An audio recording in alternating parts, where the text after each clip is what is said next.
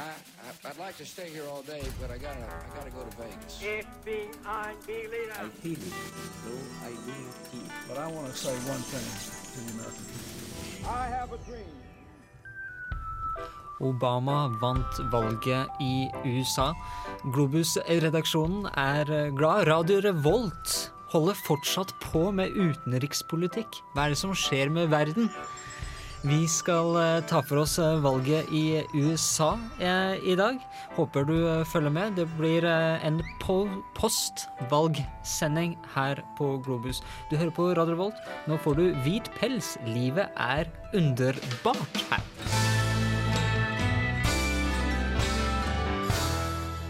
Livet er underbart, og det var det sikkert for fryktelig mange demokrater natt til onsdag. Når eh, Barack Obama tok hjem en egentlig ganske solid seier, stemmer ikke det? Jo, når en ser på eh, ja, egentlig både eh, antall stemmer på landsbasis og antall valgmannsmandat, som vi har snakket om tidligere her, mm. så er det jo relativt klart. Ja, dette på tross av at folk var fryktelig eh, skeptiske en eh, liten periode. Vi i Globus vi skal ta for oss eh, det amerikanske valget. Jeg heter Sigmund Grønli Bolme. I studio så har jeg Vanja Trones. og Oskar Kjetland Rabben. ja, som du allerede hørte. Eh, Vi skal prate om det amerikanske valget. Vi skal høre litt eh, på reaksjonene til eh, amerikanske eksperter, i, i hermetegn. Eh, Og se hvordan, hvordan de tolka, tolka hvordan valget hadde gått. Eh, Og så håper vi at du følger med på denne Globus-sendinga. Det blir en fryktelig, fryktelig spennende sending. Nå får du først Black Debatt med Ibsens grav. This is Jabba Man up all the gang them looking hot and ready and sexy. You're listening to Radio Revolt in Atran MCT. Yo, you know how we're doing it. Lock it up. Boom! the heck happened last night? That is the subject of this evening's Talking Points memo. Boy, do I have a story to tell you about the presidential vote. I thought Mitt Romney was a good choice to run against President Obama because of his economic experience. I'm so glad we had that storm last week because I think the storm was one of those things. No, politically, I should say, not in terms of hurting people. The storm brought in possibilities for good politics. Exit polling yesterday showed 42% of those who voted, 42%, said President Obama's response to Hurricane Sandy was an important part of their decision. Talking Points believes that by not emerging aggressively after Sandy, Romney cost himself the presidency. And if the election had been held eight days earlier, the governor would have defeated Barack Obama. But Sandy did not directly reelect President Obama. Hispanic Americans did, breaking 71% for the president. But the truth is, the USA is a rapidly changing country, and the Republican Party has to rethink strategy. In hindsight, Senator Marco Rubio would have been the best choice to run with Mitt Romney. It's not a knock on Congressman Paul Ryan. He did very well.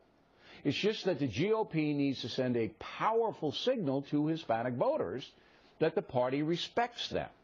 Hispanic American voters cast approximately 11 million ballots yesterday. 11 million. Obama beat Romney by less than 3 million in the popular vote. President Obama won because he effectively put together a coalition of the willing. Voters who had something to gain by keeping him in office. But with the nation heading towards financial insolvency, possible bankruptcy, that kind of where's mine attitude will eventually bring economic ruin. If Mitt Romney had forcefully made that case to defeat the Obama machine, you had to convince voters there's danger in the president's policies. Mitt Romney could not convince enough independent voters of that. The governor needed to overwhelm the electorate with points of doom because they're real. He needed to bring an urgency to his presentation. He did not, preferring to campaign the old fashioned way.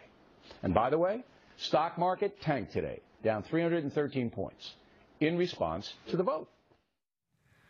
En veldig vonbråten og skuffa eh, Bill O'Reilly der. Han høres ut som han er eh, nesten blitt litt bitter, men, men det har han vel kanskje vært før også, Det er det, det er det jeg pleier å kalle for sutring. egentlig. Ja, det er jo det. Mm. Eh, si hva han, eh, hva han sier her. Han, han skylder på et par, par, tre ting. Han sier at Sandy fikk Obama til å, å vinne. Mitt Romney var ikke aggressiv nok. Mm. Og de jævla, holdt jeg på å si, latinamerikanerne Ja. kosta republikanerne valget. Ja, Han sier jo det at uh, ikke indirekte, men uh, Hurricane Sandy var en bra ting. Hørte et innslag fra en annen uh, som ble intervjua på Fox News, sa det at Sandy, det var en bra ting for Obama, for da fikk han vist Altså, Mitt Romney ble dytta til side i media, rett og Mm. slett. Han fikk ikke skinne. Han mista momentum, han mista farten sin. Og, og også eh, Romneys politiske rådgivere får hard medfart av O'Reilly for ikke å ha eh, brakt han tilbake og gitt han fart igjen og kickstarta kampanjen hans igjen. Så han falt helt ned pga. Hurricane Sandy. Men som han sa, ikke, ikke direkte. Ikke direkte tapte valget pga. Sandy, da.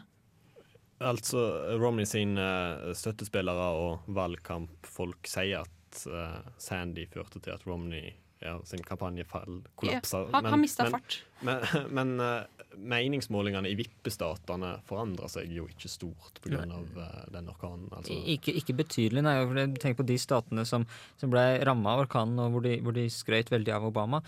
Det er jo stater som i utgangspunktet er demokratiske. Ja. Ikke sant? Og som, som antageligvis ikke jo, Mitt Romney hadde hatt en sjanse til å vinne uansett. Men så har du også New Jerseys eh, republikanske guvernør eh, Chris Christie, som gikk ut og, og hylla Obama. Han var storfornøyd med lederegenskapene til Obama etter, etter Sandy. Og eh, han fikk også virkelig kjørt seg i da bl.a. Fox News for at han som republikaner hadde hyllet Obama. Men ærlig talt, det må da være lov å si noe positivt om altså det jeg vil se på som personlige egenskaper, da. Mm. Eh, Chris Christie, han, eh, i det intervjuet som du sikter til, så, så ble han vel hele tida masa på av Ja, ok. eh, amerikanske Ja, han- blei ble jo kritisert seinere, eh, men han ble masa på av eh, de journalistene som han satt og prata med. Mm. Om ja, men hva med Mitt Romney? Jeg, har ikke Mitt Romney vært en stor statsmann, ikke sant? Under, mm. den, eh, under Sandy har ikke han gjort det riktig. Eh, og Chris Christie han sa faktisk at jeg kunne ikke brydd meg mindre hva Mitt Ja, Romney ja, for han er fullstendig uviktig Ja. i denne sammenhengen. Så Men, men eh, som eh, O'Reilly sier, det var de latinamerikanske velgerne, ikke latinamerikanske, men latinos, da, Mm. som eh, eh, 70% over 70 av kan jeg si latinos Du skal få lov til å si det på stemte Globus. på Obama. Og da hadde han et forslag. Han mente at Ronny burde brukt Marco Rubio som eh, runner-up mate. Mm. For det var det også, også noen som, som forventa, eh, før det ble klart hvem Mitt Romney skulle velge som, som visepresidentkandidat. Mm. Eh, så var det noen som forventa at eh, han skulle ta han, eh, altså dette, dette valget, og så på den måten prøve å fange de eh, latinamerikanske stemmene. Og Da er det jo òg veldig rart at han ikke gjorde det, i og med at et av de største problemene til republikanerne er at de ikke når ut til andre enn hvite menn, er jo eh, da de, deres eh, kjernevelgere. Men som du sa her i stad, Vanja, så fikk Obama 70% av eh, stemmene til latinamerikanerne, mens Romney han fikk 23 Mm. Og da er sjøl til å være republikaner et dårlig tall. George Bush han fikk eh, 44 tilbake i, i 2004. Mm. Og, eh, og hvis du ser eh, på hvem som eh, allerede begynner å bli aktuelle for eh, neste eh, presidentvalg på republikanernes side, så er det mange som snakker om at nå må de få tak i en fyr som kan virkelig hente stemmer fra andre velgergrupper. Mm. Og da er det ett navn som allerede begynner å bli snakka høyt om. Det er Jeb Bush, broren til George Bush, eh, som, eh, som er guvernør i Florida, eller har vært det, og har mu, eller, som guvernør har trukket med, med mange stemmer fra latinamerikanske velgere. Mm. Han er vant til å forholde seg til det. Og, eh, mm. Ja, jeg tenkte at eh, Vi snakker en del om det, Dette her er årsaksforklaringer fra Fox News. Eh, det som er morsomt, er at dette er jo ikke de eneste bortforklaringene de har. fordi de, de har jo en sånn teori om at media konspirerer mot republikanske De, de beskylder media for å ha overarrestert Mitt Romneys faktafeil. De Mm. beskylder eh, media for å ha underrapportert eh, Obamas skandaler. Eh, og de beskylder media, eller som de sier, venstre-media-strategien, eh, var å linke Romney til alle mulige frittalende, erkekonservative mm, personer som uttalte seg, og Mm. skapte stor oppstandelse. For det er, det er en idé i USA om at uh, de fleste mediene er uh, liberale, altså ligger til, til venstre i politikken. Uh, og det er det faktisk til en viss grad grunnlag for å si at redaksjonen er liberal, hvis man ser på de meningene som journalister og redaktører ytrer og har. Men, eh, men eh, det, det fins relativt lite bevis for at de aktivt bruker eh, altså bruker sine egne meninger i, den, eh, i journalistikken. Da.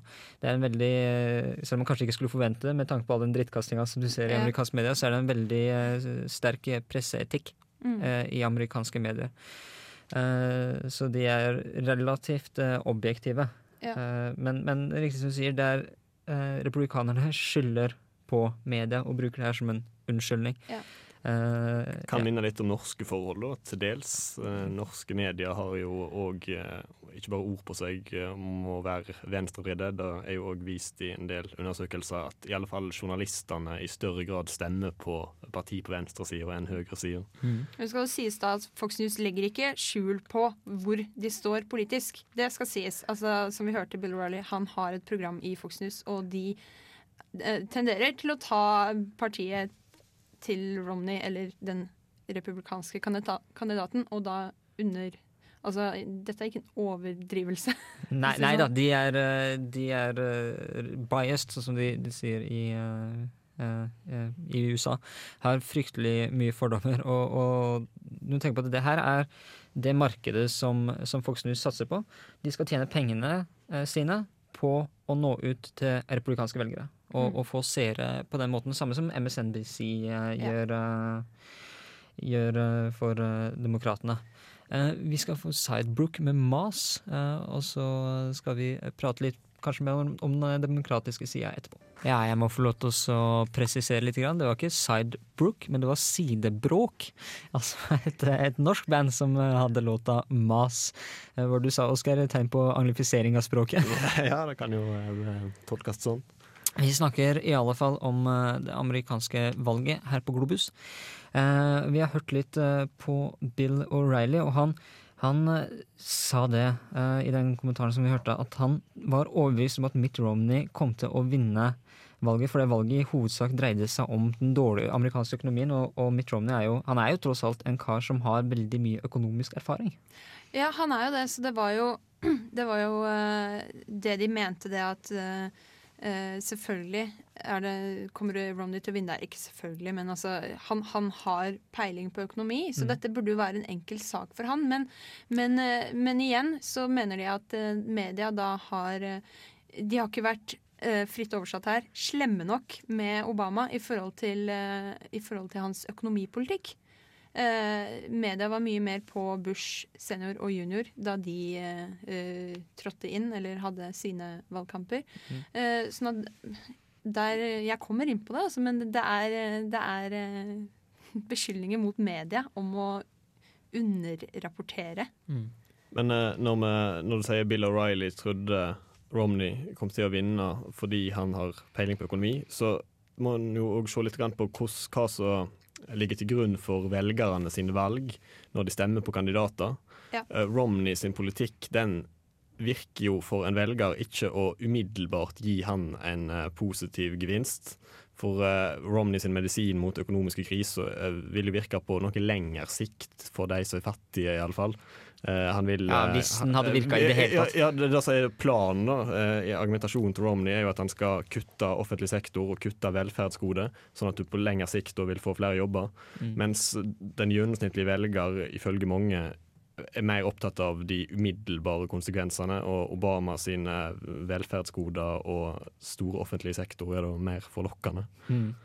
Det er kanskje ikke så rart med tanke på hva slags eh, situasjon eh, vanlige amerikanere er i i dag. Det er vanskelig å forestille seg at man skal klare fire-åtte år før man begynner å, eh, begynner å merke den eh, politikken som Romney har, mens den politikken som Obama fører, kanskje kan gi hjelp nå umiddelbart. Og da er det veldig lett for en, for en velger som er i alvorlige økonomiske problemer, å, å velge denne løsningen. Men er det da et valg mellom to forskjellige løsninger som muligens eh, Som skal føre til det samme, eller er det faktisk valget mellom en løsning som er bedre enn den andre? For, jeg, for det er mye gode argumentasjoner på begge sider her. Og det er jo det er to forskjellige løsninger på samme problem, eller er det to eh, løsninger som, hvor den ene er bedre enn den andre helt faktisk? Dette har vel økonomer krangla om eh, siden 30-tallet, kan vel si. Uh, uh, Obama sin politikk ligger jo nærere den Keynes ville ført, som eh, går ut på at økonomisk stimuli fra styresmaktene vil kunne få fart på en økonomi som er i resesjon. Mm. Mens da kan en vel si at uh, Romney ligger jo mer mot en Friedrich von Hayek sitt navn blir jo ofte nevnt i den sammenhengen, men når det gjelder en økonomisk uh, ideologi som går ut på at styresmaktene skal gjøre absolutt minst mulig, at det er det som vil uh, føre til det er det som vil få økonomien opp og gå igjen. Og som sagt, det har jo økonomer krangla om uh, i uh, 70 år, så at de amerikanske velgerne, eller velgere noen plass i verden, skal vite hva som fungerer best, da er vel å være uh, Litt optimistisk Ja. kanskje å tro at de skal gjøre det. Eh, en annen ting er En ting som er viktig å få med seg, det er at begge to har lyst til å kutte i det amerikanske statsbudsjettet. Det, er- det er Obama, ved å stemme på Obama så vil man ikke automatisk stemme på en person som har lyst til å bruke penger langt over ende. Han har lyst til å kutte, men det er også veldig stor forskjell på hvor de to kandidatene har tenkt å kutte. Eh, Obama har lyst til å beholde Obamacare, ikke sant? healthcare.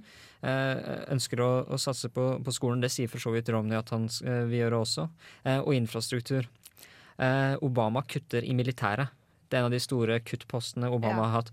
Eh, for Mitt Romney så er det her, altså for republikanere generelt så det, det gjør Obama seg til antikrist ved å kutte i militæret. ikke sant? Man, man gjør America weak.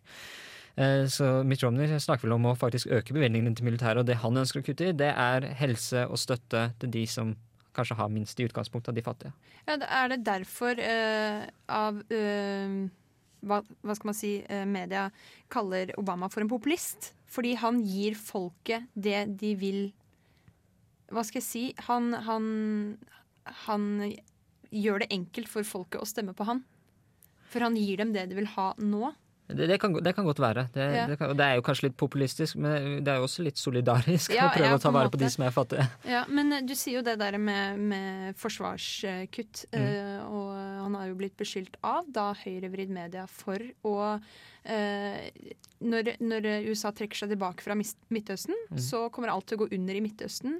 Eh, USA kommer til å miste sin posisjon som verdens ledende supermakt. Nå kommer Kina og tar oss. Eh, nå går det ned med USA. Så det er ganske kraftige sånn De trekker ganske kraftige konklusjoner. Mm. Jeg tror de er fryktelig overdrivne. Men tenk på at USA har vel 1200 atomstridshoder som er, eh, som er klare til å skytes ut. De har 11 superhangarskip. Altså det her er superhangarskip. De er større, nesten dobbelt så store som de nest største hangarskipene som eksisterer. Ingen andre land har superhangarskip. Eh, største marinen i verden. Absolutt største luftvåpenet i verden. Eh, og en veldig stor hær. Kina har jo en større hær, eh, tross alt, eh, når det kommer til antall personer. Men, men eh, det fins ingen stormakt i verden som kan utfordre USA over, overhodet. Så det er ganske Det er over Altså, det var en amerikansk admiral som sa at eh, vi bruker mer på forsvar enn de 29 landene under oss til sammen. Ja. 27 av de landene er våre nære allierte. Jeg er ikke bekymra. Nei, det skal litt mer til. Det, for skal- det skal veldig mye til. Ja. Eh, nå skal vi høre på hva Rachel Maddow fra MSNBC eh, hadde å si når Obama vant. Ohio really did go to President Obama last night, and he really did win. And he really was born in Hawaii. And he really is legitimately President of the United States, again. And the Bureau of Labor Statistics did not make up a fake unemployment rate last month. And the Congressional Research Service really can find no evidence that cutting taxes on rich people grows the economy. And the polls were not skewed to oversampled Democrats. And Nate Silver was not making up fake projections about the election to make conservatives feel bad. Nate Silver was doing math. And climate change is real. And rape really does cause pregnancy sometimes. And evolution is a thing.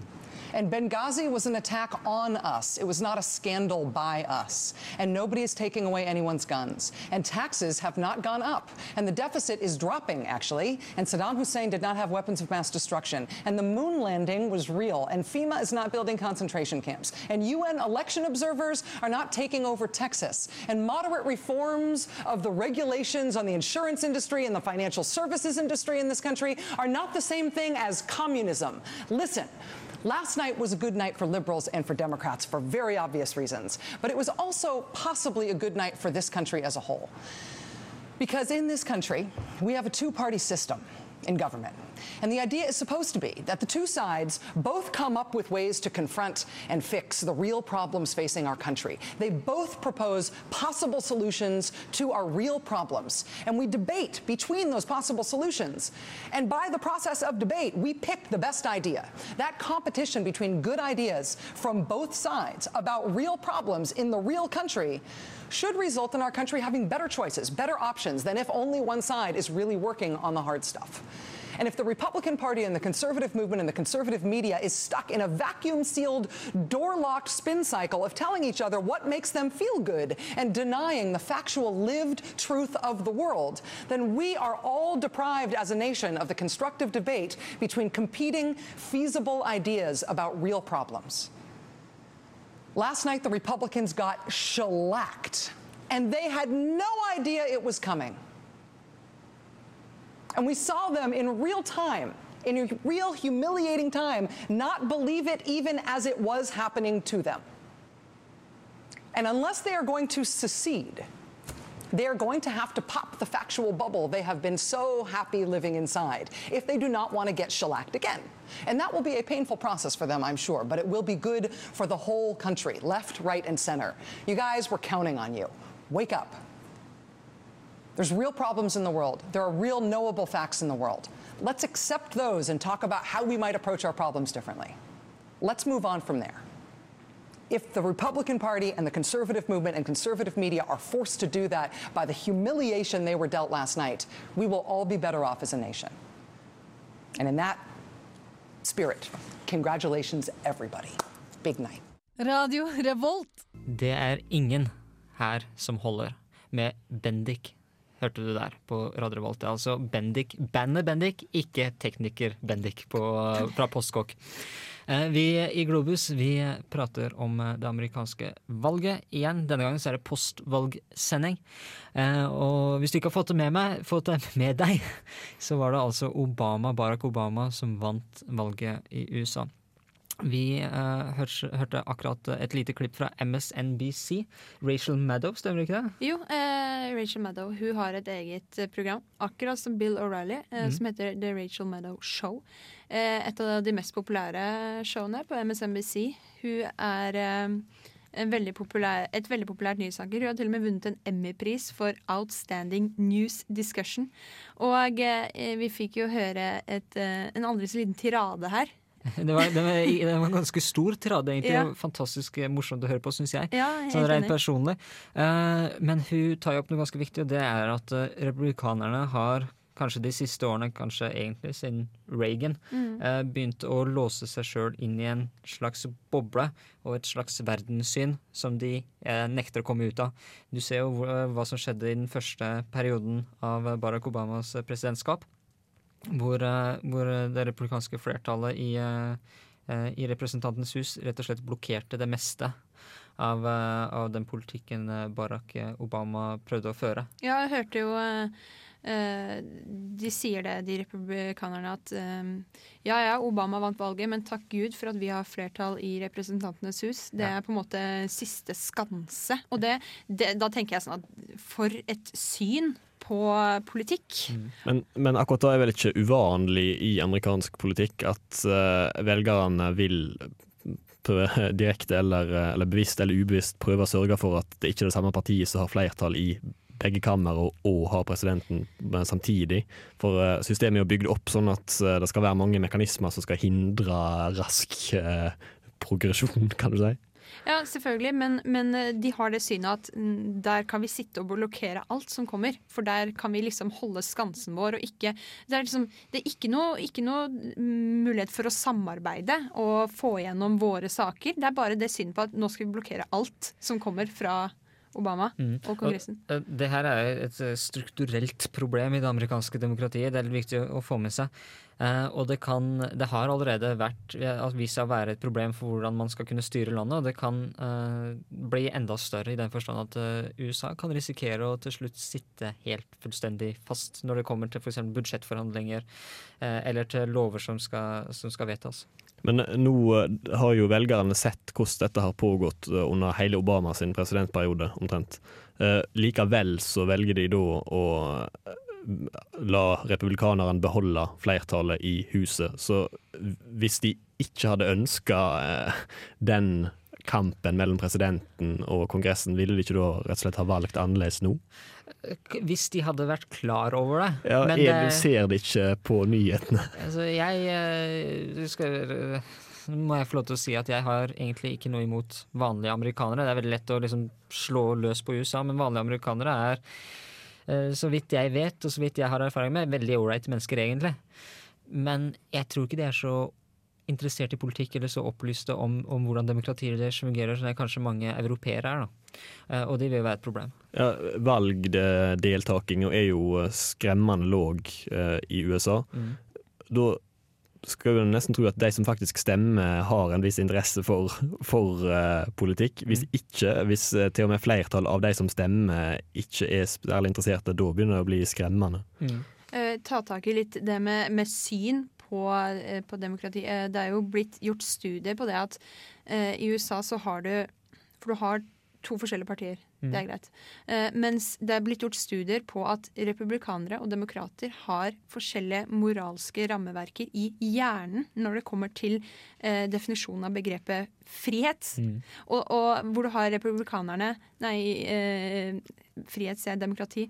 Du har demokratene som ser på demokrati. Eh, staten skal eh, sikre oss de viktigste tingene i livet vårt. Eh, sykeforsikring, skole, trygd, sånne ting. Det skal, det skal, det, vi skal overleve. Mm. Mens, mens så har du republikanerne som ser på staten som uh, skal sikre min frihet til å bære, bære våpen, f.eks. Min frihet til å slippe å være avhengig, da. Og det er jo helt, to helt forskjellige syn på statens oppgaver og på et demokrati. Sånn at det er noe som, som ligger inni hodene deres, Uh, som de Det er vanskelig å få, få tak på, ja. ja, for det er liksom rammeverket deres. dem. Sånn at de, de nekter å forstå at Sånn som demokratene mener at um, staten skal sikre deg de banale eller basale, dine basale behov. Mens fordi staten skal sikre min frihet til å være et individ som ikke er avhengig av noen, og min rett til å bære våpen. Mm. Det er frihet for meg. Jeg skal eh, ta, med, ta for meg eh, Jeg har faktisk uh, lagd en liten en musing, som de, som de kaller det. Litt uh, tanker rundt uh, valget i 2012. Da skal jeg ta for meg delvis det, den splittelsen uh, som er i USA, og litt andre ting. Så du skal få høre, høre på meg nå, faktisk.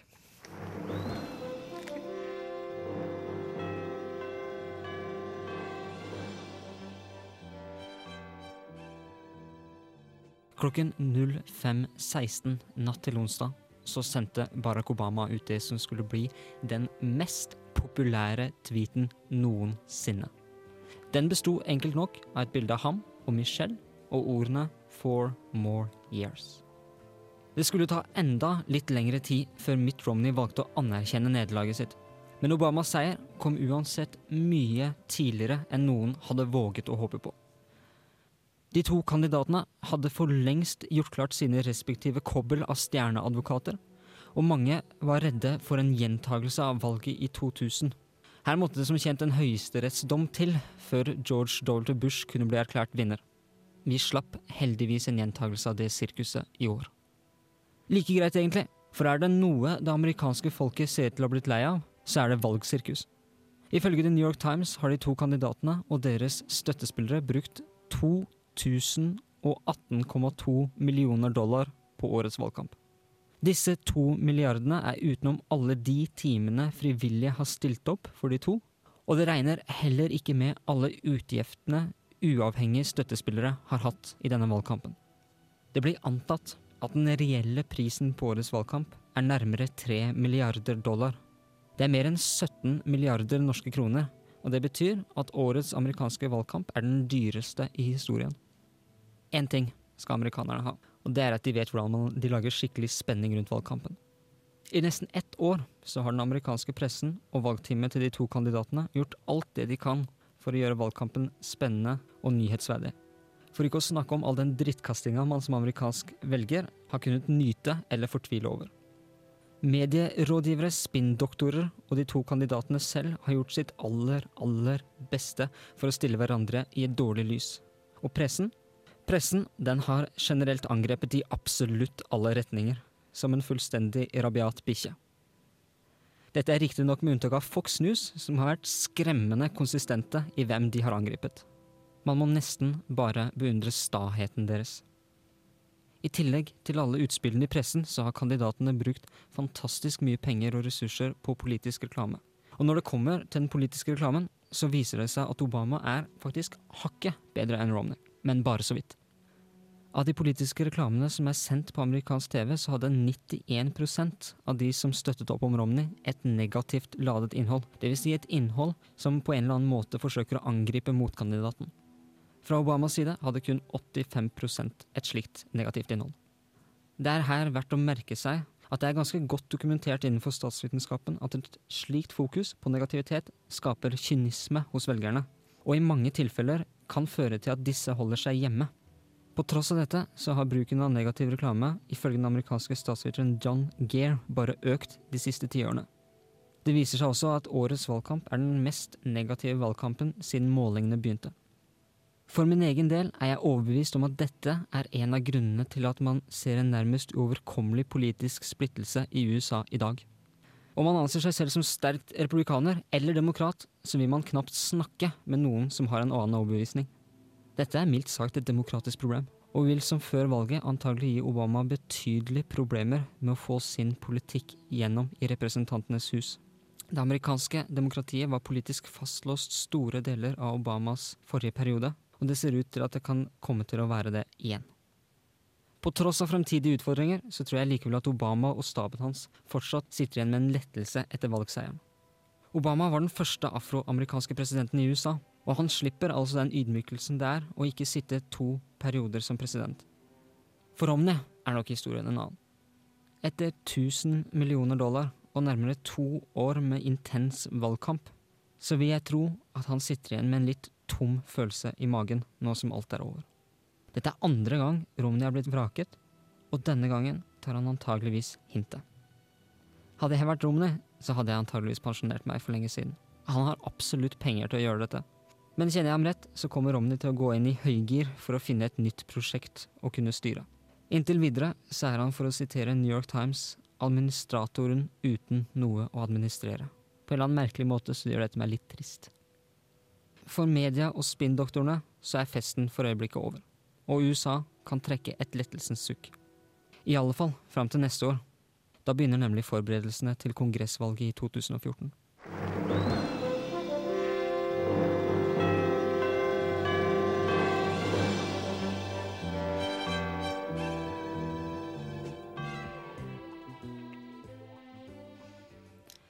Det var Sigmund Grønli Bolme, det. Altså meg sjøl, og mine tanker rundt det amerikanske valget. Særlig så syns jeg at den, det fokuset på negativitet i det amerikanske valget er bekymringsverdig. Det sier jeg vel ganske tydelig også. Det gjør det.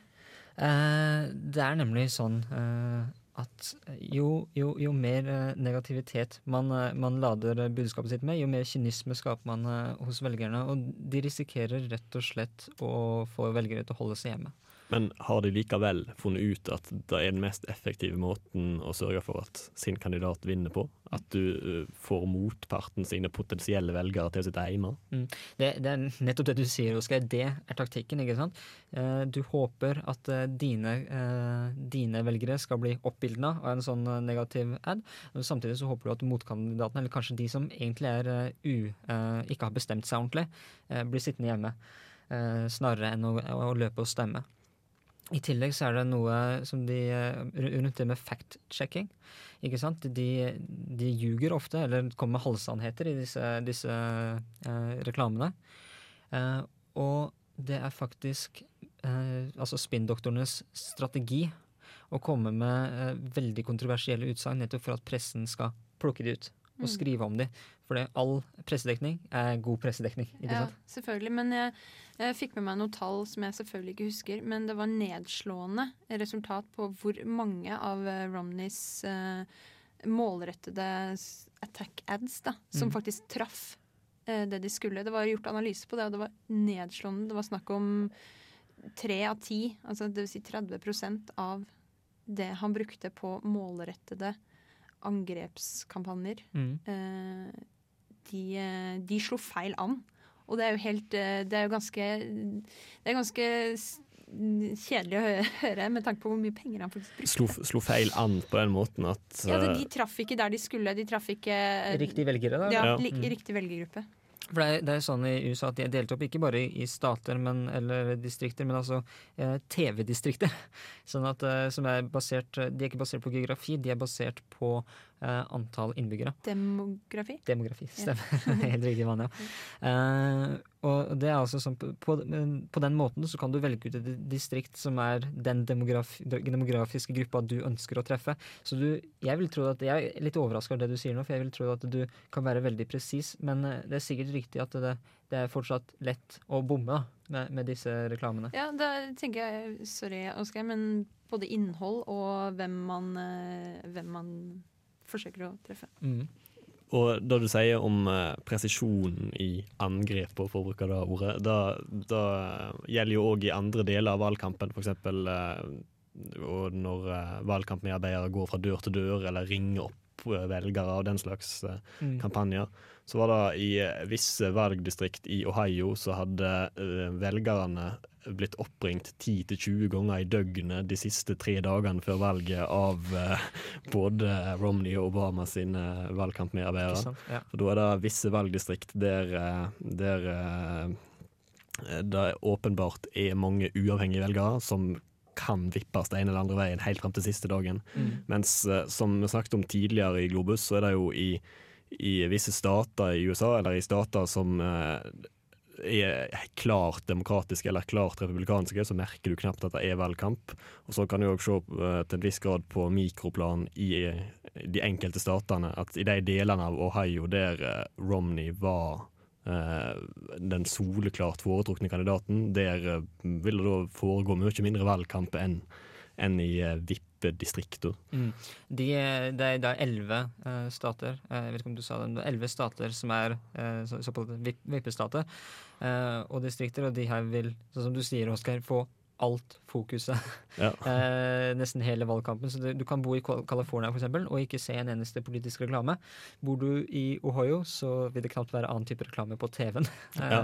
mens valgkampen eh, foregår. Ja, Spesielt hvis du bor i noen av de distriktene der det er mange uavhengige Mm. velgere. Og det som slår meg, det er at amerikanere må bli dritlei av det her. Og så, som jeg sier, det er ikke lenge til neste gang. Eh, for da, da begynner, eh, begynner eh, altså da, Til nest 2014 så skal det være et mellomvalg, ikke sant? Hvor eh, noen senatorer, nye senatorer skal velges, og eh, eh, House of Representatives, altså Representantenes hus, skal velges på nytt. da. Uh, og da begynner hele sirkuset på nytt. da. Ja, jeg så Financial Times sa i forkant av valget her at det enorme sirkuset som er rundt amerikanske valg nå, det fører til at eh, en kan se på presidentvalgkampen som en elefant som føder ei mus. At det er et voldsomt sirkus. Mm. Eh, som du sier, over to milliarder dollar brukt på valgkamp, kanskje oppi tre hvis du tar med alt. Mm. Eh, og så ender du opp med ja, ingen endring for sist. Ikke sant. Du eh, ender opp eh, med det samme som du har eh, hatt. Vi er kommet til veis ende i denne Globus-sendinga. Der kom Ghost of the Red Cloud også. right on time. Eh, du har hørt Sigmund Grønli Bolme. Vanja Trones. Og Åsgeir Kjetland Rabben. Mm. Vi fortsetter eh, med Globus, og eh, har ikke tenkt å gi oss eh, ennå, helt. Eh, og så håper vi at du har hatt det gøy sammen med oss. Eh, kanskje litt informativt. Og så ser vi deg til neste gang. Så ha det bra for oss eh, enn så lenge.